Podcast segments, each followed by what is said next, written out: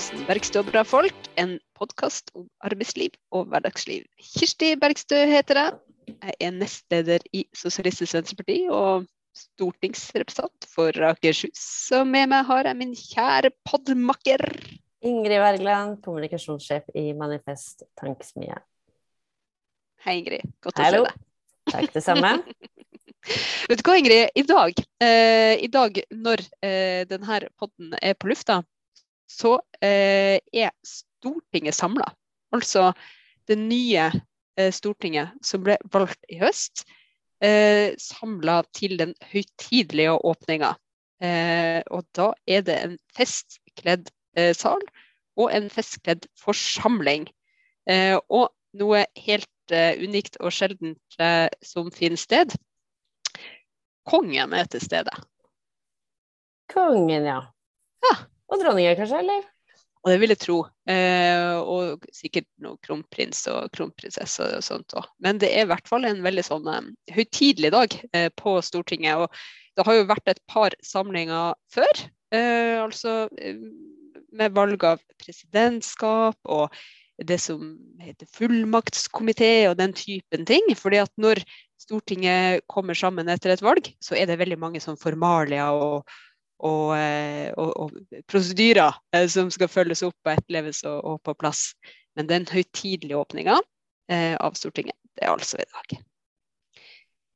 Og det betyr at det har vært en litt sånn brytningstid i denne eh, som har gått. Der nye representanter har kommet strømmende fra hele landet. Jeg er jo blant dem som er ny nå, men som har vært her før. Innvalgt for Finnmark eh, i ikke den forrige perioden, men perioden før der.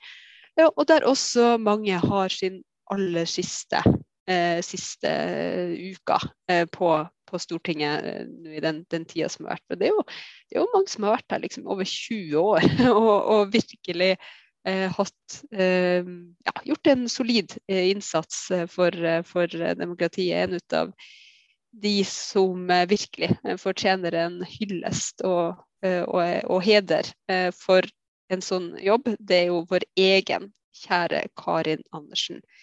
Som på mange måter har blitt stemmen til dem som har hatt lite stemme sjøl. Dem som har kjent en større avmakt enn en, en makt. Eh, og den som alltid har båret perspektivet nedenfra og opp og kjempa for en, eh, en, eh, ja, en, mer rettferdig fordeling, og også verdighet. Altså folk skal, skal kunne stå oppreist i sin fulle lengde. Og at det her ulikheter i makt og rikdom skal, skal snu. Og det kan man bare ikke få takka Karin Andersen eh, nok for. Men eh, det syns jeg du prøvde på en veldig fin måte nå. Det var en fin hilsen. For jeg vet at det er mange eh, Man behøver ikke å være mange minuttene på, på, sosiale medier før det dukker opp en, en, eh, en lignende hyllest, eh, i hvert fall i mye Både i SV-land, men også av, av, mange andre som, utenfor partiet som, som, som har verdsatt hennes arbeid veldig. Mm, absolutt. Det er, er jo er mange ting som skjer om dagen. Hva som skjer på din kant da, Ingrid? Nei, jeg er fortsatt opprørt over at ikke det er noe framdrift i den streiken i kultursektoren. Mm. Uh, for der, uh, der, snakker vi om, om, folk som gjør en, en viktig, viktig, jobb i statseide institusjoner og, og kommunale, for så vidt, og, og og, liksom, og selvfølgelig resten av det, det eh, kulturlivet, da, som, er, eh, som, som, rett og slett ber om noe så, så, enkelt som en livsvarig og rettferdig eh, pensjon.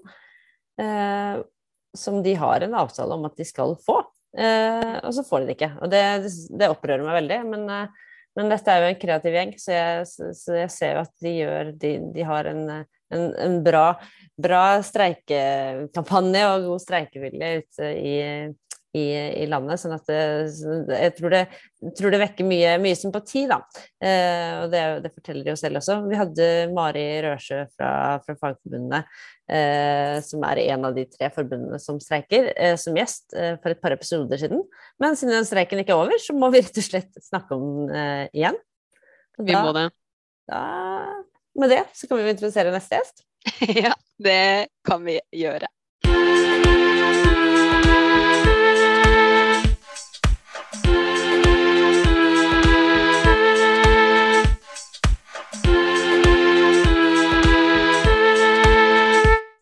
Er det en glede å ønske hjertelig velkommen til uh, ukas uh, gjest. Janne Kopp, som er hovedtillitsvalgt uh, i Operaen. er cellist i, i Operaorkesteret, og som også er leder for Creo i Oslo. Velkommen til oss, Jan. Ja, tusen takk. Så hyggelig, hyggelig å kunne være med i dag. Vi har jo eh, også tidligere snakka om eh, at Eh, veldig mange innen kulturfeltet er i streik. Eh, og det er jo derfor vi er veldig glad for at du er hos oss, eh, for å kunne dele hvordan det går, ta tempen på, på, på kampen. Men også eh, si noe til verden om hva som er eh, grunnlaget, for det kan man liksom ikke få snakka nok om. Eh, for dere i, i Creo, først Jan, hvem er Creo? Eh, Creo er eh, Forbundet for kunst og kultur. Så Det er fagforening for alle som jobber med kultur, kunst og kultur, og som har yrker som er tilknyttet til det. Og alle kan, er da velkommen som medlemmer. Det er både ansatte og veldig mange frilansere. Mm. Så da er det f.eks. Eh, dine kollegaer i, i orkesteret på operaen, kringkastingsorkester, eh, enkelt, eller band og musikere rundt omkring i landet? Det stemmer. Og i operaen er det Creo fagforeningen som organiserer det orkesteret som du nevnte. Og så er det korsangere, ballettdansere, solistpraktikantene, regissører og inspisjenter, og sufflører og repetitører. Oi, det var ganske mange eh, fagpersoner i, i, i feltet. Vi har ca. 250 medlemmer kanskje i opera. Ja, det er ganske solid. Det er ganske solid. Og, i resten av Oslo, så er det jo også, som du også er leder, så er det jo eh, ja, folk som jobber i kulturskolen f.eks. Er vel ofte, er jo ofte med hos dere? Kulturskolen, eh, Oslo kulturskole er den største arbeidsgiveren for, i Oslo for Creo-medlemmer. Og mm. Creo Oslo har ca. 2700 medlemmer. Så det er største, det største regionlaget i Creo. Det er det, ja. Så der er det kulturskolen, og så hvem flere er det du har i Oslo? Ja, det er jo Operaen er stor, så er uh, Musikkhøgskolen, uh, Kringkastingsorkester, som du nevnte. Uh, KIO, kunsthøgskole. Mm. Og, og, lydteknikere har vi i Oslo som er, organisert her. Og så er den største delen er um, frilansere. Mm. Det er den største delen ja, av ja. medlemmene? Mm. Ja, det er den største gruppen. Jeg vet ikke om de er mer enn 50% men det er desidert største gruppe. Ja, for Man kan jo se for seg at det er, det er liksom enklere å organisere f.eks. et orkester da, som møtes, spiser lunsj sammen og, og, reiser på tur sammen og har liksom mye sosialt samvær. Men, men hvordan jobber dere for å organisere frilansere, som er, som er en litt løsere, løsere gjeng? Eh, det er et veldig godt spørsmål. fordi det er jo for Creo Oslo er det enkelt, relativt enkelt å få kontakt med de medlemmene som har tillitsvalgte. Der kan man ta kontakt med tillitsvalgt som igjen har kontakt med medlemmene. Mens når det gjelder eh, de som ikke har en tillitsvalgt, så jobber vi egentlig intenst med å finne gode måter å få kontakt til disse og bygge opp et eller annet et system der de på en måte kan henvende seg til personer. Vi har frilanskontakter nå i vårt styre i Creo Oslo som eh, er eh, der for at frilanserne kan henvende seg til. De prøver de skal sette i gang nå også med å henvende seg aktivt eh, til ja, Det er jo en sammensatt gruppe, det finnes ikke den frilanseren. så det, det, er jo det er ekstremt mange forskjellige interesser å, å finne ut hva er behovene der det er en ekstremt viktig og stor oppgave for Creo Oslo som vi eh, har kommet i gang med. Mm. En viktig oppgave å eh, klare å få folk til å stå i lag for felles interesser. Det er jo mange som kan eh, sikkert kjenne seg litt eh, små og alene. Eh, kanskje spesielt i den tida man har bak seg nå, eh, med korona og ordninger som kommer og går. og en økonomi eh, som ikke nødvendigvis eh, går, eh, går i hop. Så da er det jo jammen godt å ha et sterkt lag å, å, jobbe sammen med. Ja, absolutt. Det er det som vi har fått også tilbakemeldinger under ja, koronakrisen, eller hva man skal kalle den. Og så må vi jo prøve å, å få det videreført også. I, i den, siste tiden så har det vært en relativt tydelige fellesinteresser. Det å, kunne overleve og få en uh, inntekt, på en måte. Og, mens nå, når vi forhåpentligvis kommer tilbake til normale tilstander, så er det jo igjen litt mer uh, spredning. Så vi vi må rett og slett uh, finne ut uh, hvordan vi, vi uh, blir bedre i kommunikasjonen der. Det tror jeg er et veldig, veldig viktig område. Har dere fått, fått flere medlemmer nå under den, den, tida, den tøffe tida for, for kulturområdet? Ja, det har gått litt opp. Mm. Jeg har jo sett at det har vært eh, musikere som rett og slett har måttet selge instrumentene sine for å overleve. For å ha råd til eh, bo og mat og livsutgifter. Eh, og det er ganske fælt det, å se folk som egentlig må, må selge levebrødet sitt. Ja, det er helt forferdelig å si sånt. Det er mm. grusomt. Det det. Men nå, Jan, nå er dere i en eh, viktig kamp eh, sammen med andre forbund, som også organiserer folk innenfor eh, kulturfeltet. Eh, der har vi Fagforbundet, som vi har snakka med tidligere, og også, også NTL, og, og, Creo, som rett og slett er i streik. Den har pågått en stund. Kan du eh, fortelle litt hva som er bakgrunnen for, for streiken, Jan? Uh, ja, det kan jeg. Uh, det tar litt tid, men det kan jeg. Sånn, jeg har vært med siden i hele den uh, historien. Den går jo tilbake til kanskje 2013 eller noe sånt.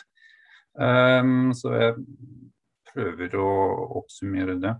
Men først er det jo det, det viktigste kanskje er det, det at vi er i en streik nå. Det er jo det vi prøvde å unngå til enhver pris, nesten. Og det at vi endte opp i den situasjonen, det er fryktelig vondt for oss. Men eh, så, så, eh, så er jo kjernen i, i, konflikten er på en måte todelt. Det, er, det ene er at vi, arbeidsgiveren mener at loven om tjenestepensjon, eh, som da regulerer det som man eh, gjerne kaller hybridpensjon, at den er for dårlig og ikke kan brukes. Og det andre er det at vi mener at begge parter skal forholde seg til de målsetningene vi ble enige om i 2016, i protokollen i 2016. Så Det er en litt sånn kort versjon eh, som jeg skal gå litt i detalj og, og forklare hva, hva eh, egentlig hele historien. Fordi, eh, når vi går tilbake til eh, 2013, eller før 2013, så var det jo slik at mange virksomheter hadde store problemer med å betale eh, med pensjonskostnadene eh, i forbindelse med det som heter ytelsespensjon. Eh, det er en livsvarig pensjonsytelse som er knyttet opp til sluttlønn. Og siden kostnadene ble så store, så jobbet jo arbeidsgiverne og arbeidsgiverforeningen Spekter, der kulturinstitusjonene er organisert i, veldig hardt for å få alternativer til denne ytelsespensjonen. Så Spekter har som arbeidsgiverorganisasjon jobbet intenst for å få til en annen lov som utvei fra disse høye kostnadene. For Dette husker jeg veldig godt, at det var mye oppslag om at det, om det var begreper som pensjonsbomber under uh, kulturinstitusjoner, sånn Operaen og Nationaltheatret, at det var, liksom, det var helt Det var ordentlig krisemaksimert. Men, men, men så vidt jeg har forstått, kanskje med, med, med god grunn? Det var nære konkurs, kan man si. Mm. Eh, så det har vært veldig alvorlig, den økonomiske situasjonen. Og, og Derfor har jo da arbeidstakerne og våre fagforeninger har jo da etter hvert gått med til en dugnad. og vi, Det ble opprettet et partssammensatt utvalg for å se på alternativer. Og Partssammensatt utvalg det er et utvalg der eh, arbeidstakersiden og arbeidsgiversiden sitter sammen og uh, skal diskutere det mellom uh, slagene, mellom oppgjørene, så at man har litt ro og kan diskutere ting saklig. Um, Eh, samtidig skjedde, var jo da det lovarbeidet som skjedde. Um, og, og, det har jo ført til at Stortinget i 2013 har vedtatt loven om tjenestepensjon. Uh, eller gjerne kalt da hybridpensjon. Og den er jo konstruert for å gjøre det mulig til å inngå avtaler om en livsvarig pensjon som ikke blir en for stor økonomisk belastning for eh, virksomhetene. Og Fram til 2013, som fram til den loven ble vedtatt, så virket det for eh, Når jeg går tilbake, så virker det slik at eh, Spekter har vært positivt til en slik lov. Mens fra 2014 så skjedde det et eller annet, at de snudde og mente at denne loven kunne man ikke bruke. Men de ville jo fortsatt gå ut av ytelsespensjonen som har blitt for dyr. Så i 2015, da, da kultursektoren var på randen av konkurs, egentlig, så ble presset så stort at man eh, måtte finne på noe. Og det førte til at man i 2016 inngikk en avtale. Og da gikk vi med på en midlertidig avtale om en innskuddspensjon. Siden hybridpensjon har vært så ny, har man eh, vært noe usikker der om det kommer tilbydere eller hvordan det kommer til å fungere. Så har vi gått med på en midlertidig ordning med innskuddspensjon.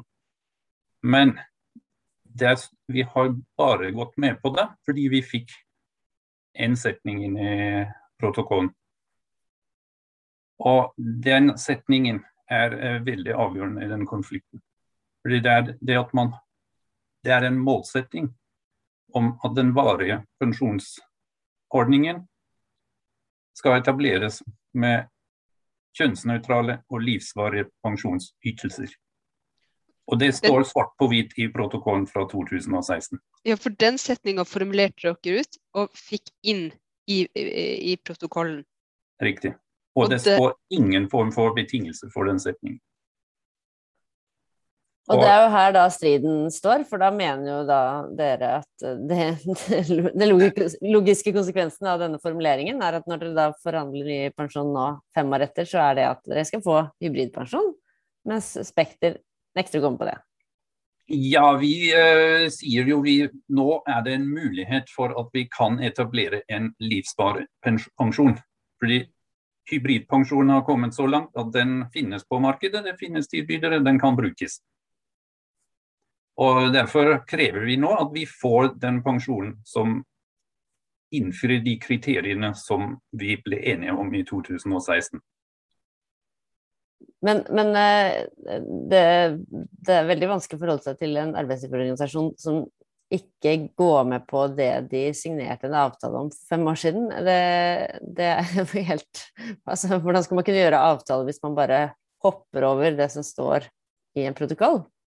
Eh, de Hvorfor de gjør det, det vet jeg ikke, men du har helt rett i at dette her er ekstremt krevende. Og det blir gjerne veldig tidsspisset eh, når noe sånt skjer.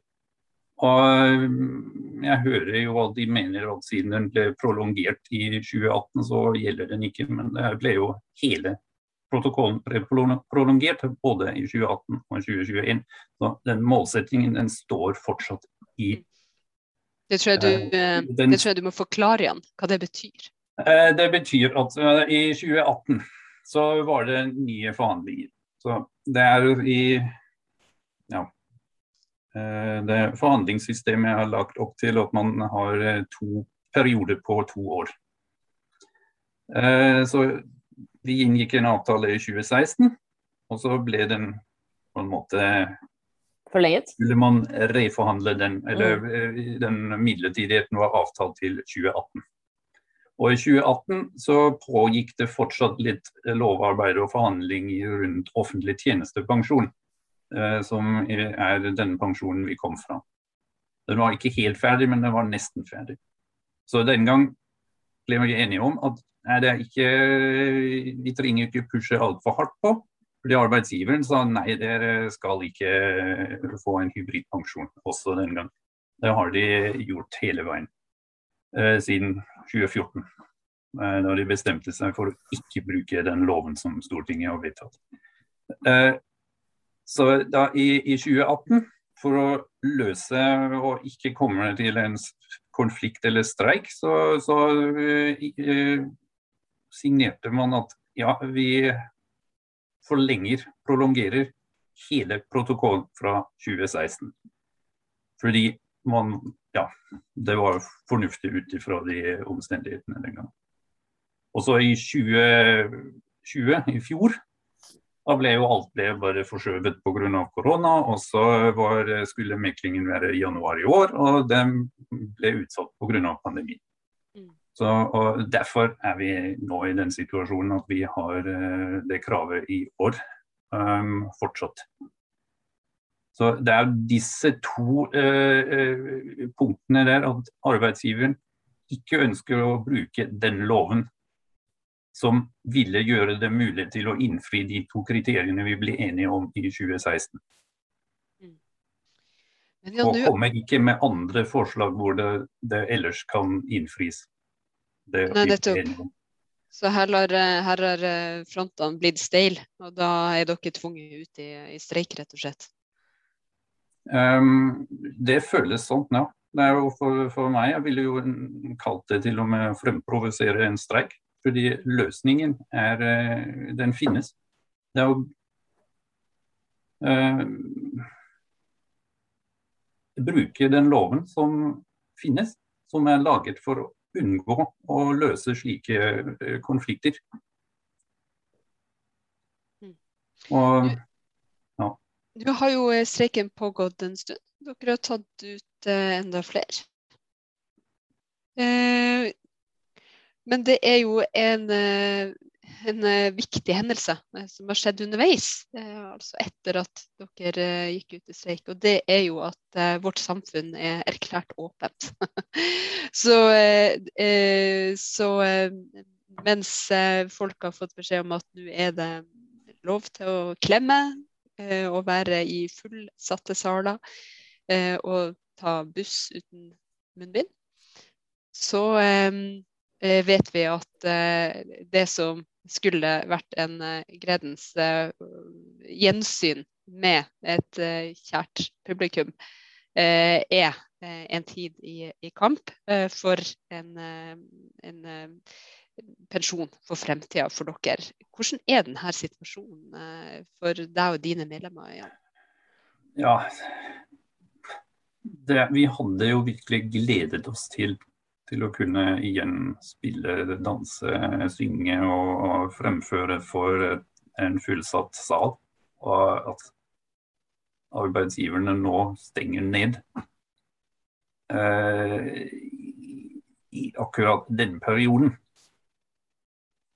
Eh, fordi de ikke, som sagt, ikke vil bruke den loven. Det er jo for oss er det helt eh, ja, det er uforståelig og, og det er eh, ekstremt frustrerende å se. Fordi vi, vi, ville virkelig komme tilbake. Vi ville ikke ha en streik nå. Og vi mener det finnes en løsning. Og jeg mener jo det er et tankekors at uh, uh, virksomheter som får eh, bevilgninger fra Stortinget, ikke vil eh, Eller heller stenger ned og tar en streik. Eh, I stedet for å løse den konflikten, eller fordi de ikke vil bruke den loven. Fordi den loven finnes. Og løsningen finnes. Så du mener at det er veldig tydelig hvor ansvaret hører hjemme eh, for de som eh, hadde håpa å se deg og resten av eh, eh orkesteret spille? Ja, det mener jeg er det, det, kan jeg si med hånden på hjertet at det Vi hadde unngått, eller vi hadde brukt enhver mulighet til å unngå denne streiken. Det har jeg sagt i begynnelsen allerede. og det det er jeg veldig trygg på, og det kan jeg si med god samvittighet. og eh, jeg ser fortsatt ikke for meg hva vi skal gjøre eller kan gjøre for å um, um, unngå en Eller komme oss ut av streiken. Uh, hvis så lenge vi vil. Uh, eller alternativet er egentlig å kapitulere og si at vi aksepterer at det, og sier at det er helt greit at uh, motparten ikke holder seg til signerte protokoller. Som jeg mener ville være svært alvorlig. Men uh, dere er jo, selv om som jeg forstår uh, og skjønner godt at dere har lyst til å egentlig være, være i full kunstnerisk utfoldelse, så er det jo, fremstår det i hvert fall som streikeviljen er, er, veldig stor, da. Uh, for de som har vært i Oslo sentrum i det siste, eller eller og kanskje sett bilder i avis eller på sosiale medier, så har dere jo satt opp et uh, Streikens hus. Eh, jo da. Ja. Fortell litt om, om, det, og hvorfor dere har gjort det. Ja, Streikeviljen er, er, stor, og det henger jo sammen med det som vi opplever som løftebrudd. Og også det at vi mener, øh, og, og medlemmene mener at det virkelig er verdt å kjempe for en livsvarig pensjon som gir de samme ytelsene, livsvarige ytelsene til alle, uavhengig av uh, kjønn eller uh, hvor gamle man blir. Og det er spesielt viktig for yrkesgrupper som eh, ikke kan kompensere lavere pensjon ved å stå lenger i jobb og bare jobbe til de er 75 eller 72 eller hva det måtte være. Eh, da er det viktig at man har en pensjon som er livsvarig, som er eh, sånn at man kan leve av den. Så det med streikeviljen, den opplever jeg den er veldig stor. Og jeg opplever at vi får masse støtte fra øh, folk som kommer forbi fra Og selv noen som Uh, ikke kunne gå på forestillingen før den dessverre var avlyst og sånn, så kommer det jo gjerne tommel opp. Så det, det er Streikeviljen den er veldig god. Og så har vi jo nå, som du sa, Streikens hus mm, rett foran Nationaltheatret eh, midt i Oslo. Eh, og eh, det er jo en supert at vi har det når vi først er i den situasjonen at vi streiker. Så skal vi bruke den eh, til å eh, møte kolleger som vi ellers ikke møter, møter så ofte. Møte kolleger fra andre fagforeninger, møte kolleger fra andre kulturinstitusjoner i Oslo. Og gjerne også møte mennesker som er nysgjerrige på det um, streiken og pensjon og hva det måtte være. Mm. mm. Det er godt dere opplever eh, tommelen opp eh, fra folk som eh, ikke, ikke kan gå på konsert eller det som, som måtte være pga. streiken. Det er også veldig mange både forbund parti, mitt eget parti, SV, og, og andre som, som, har kommet med mange støtteerklæringer og uttalelser og, og, og virkelig eh, står bak dere eh, i denne eh, viktige kampen for, for en kjønnsnøytral og, og, og livsfarlig person. Så, så, her er det veldig godt å høre at motet holdes oppe, at streikeviljen er intakt. Og så er det jo veldig bra for folk som, som går forbi da, dette Streikens hus, å kunne kunne få med seg eh, det viktige budskapet som, som dere har. Du, eh, Jan, jeg, jeg, lurer bare på en ting. fordi eh, du snakker om, eh, om eh, pensjonsalder og at man må ha en, en, en person som må sikres i, i, alderdommen. Men hvordan er det egentlig for kultursektoren i stort, med tanke på eh, hvor lenge man kan stå i arbeid. For det vil jeg jo tro er veldig variabelt. Altså dem som danser ballett, vil jeg jo tro har en veldig eh, tidlig eh, avgang fra sitt. Jeg vet ikke hvordan det er for deg som er cellist, eller dem som er lydteknikere eller eh, selvstendige av noe slag. Er det mulig å liksom, gi et inntrykk til folk som hører på nå, hvordan, hvordan, uh, hvordan det bildet ser ut? Ja, Det er jo viktig at vi ikke blander de to pensjonsordningene vi har i operaen. Så eh, Vi har eh, operapensjonsloven som regulerer pensjonen for to gruppene. Det er sangerne og danserne som har særaldersgrenser. Eh, og de er ikke berørt. Den pensjonen er ikke berørt eh, i denne streiken, i denne konflikten. Og så er det pensjonen til alle andre ansatte.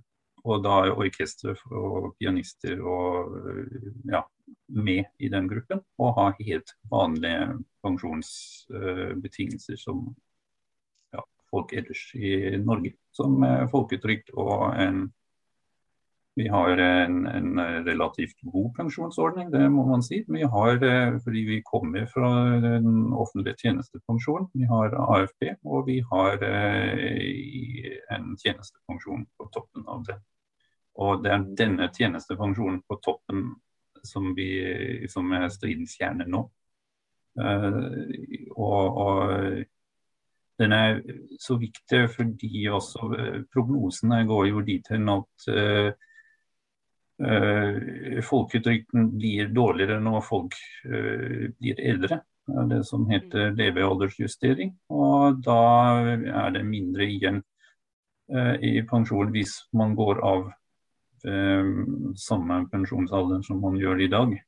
Og så er vi musikere er jo alt annet enn sikre på, eller vi tror ikke på at vi kommer til å kunne jobbe lenger enn eh, det vi gjør i dag. I dag er det veldig mange som jobber til de er 70. Så det er jo egentlig vanlig at musikerne går av når de fyller 70. Jan, du er jo eh, cellist, eh, og eh, vi gleder oss jo til dere vinner gjennom i kravet for en kjønnsnøytral og livsvarig person, sånn at vi kan se det spill, forhåpentligvis etter hvert, når arbeidsgiversida tar, tar, til vett.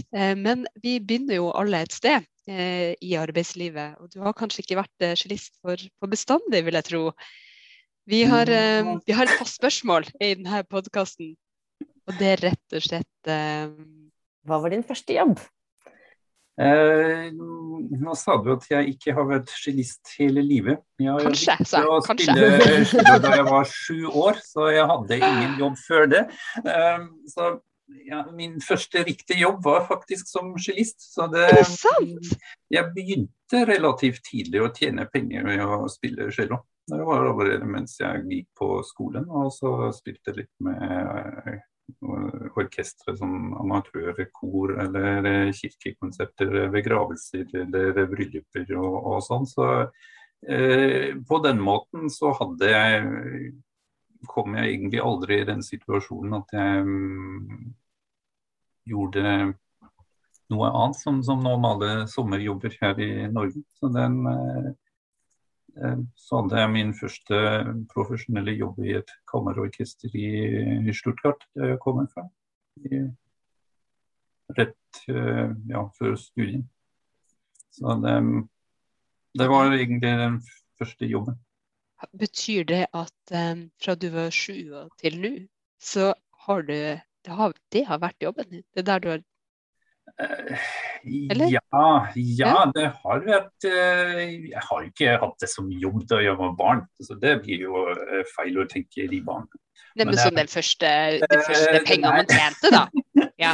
Nei, det var ikke sånn at jeg, jeg begynte å bli litt mer ivrig på cello da jeg var sånn i puberteten. Det er kanskje ikke det mest vanlige, men um, det var egentlig ja, i den alderen. Sånn rundt 12-13, noe sånt der. Så, Men det var celloen som tok deg til, eh, til, Norge også? Det var celloen som tok meg til Norge. Um, ja, det er eh, Jeg fikk jo jobben her. Eh, og den, det var Jeg kom til Norge pga. jobben i 97. Så det, ja. På alle måter. Og jeg er veldig takknemlig for det. Jeg trives kjempegodt her. Og ja, vi møtte jo min kone her, og øh, familie her. og er eh, til tross for denne streiken er godt fornøyd med arbeidslivet i Norge. Så eh, det, ja, det er veldig mye positivt her. Og det, jeg har aldri angret på det. Og det flyttet hit. Og nå gjør du en veldig viktig jobb som en samfunnsstøtte gjennom ditt tillitsvalgsarbeid. Det er en fin historie fra syv år gammel gutt på cello til streikeleder i, i voksen alder. Supert, Jan. Tusen takk for at du var med hos oss eh, og delte eh, dine tanker, erfaringer eh, og streikegrunnlag. Takk til deg som hørte på. Fortsett med det, og for all del, støtt streiken.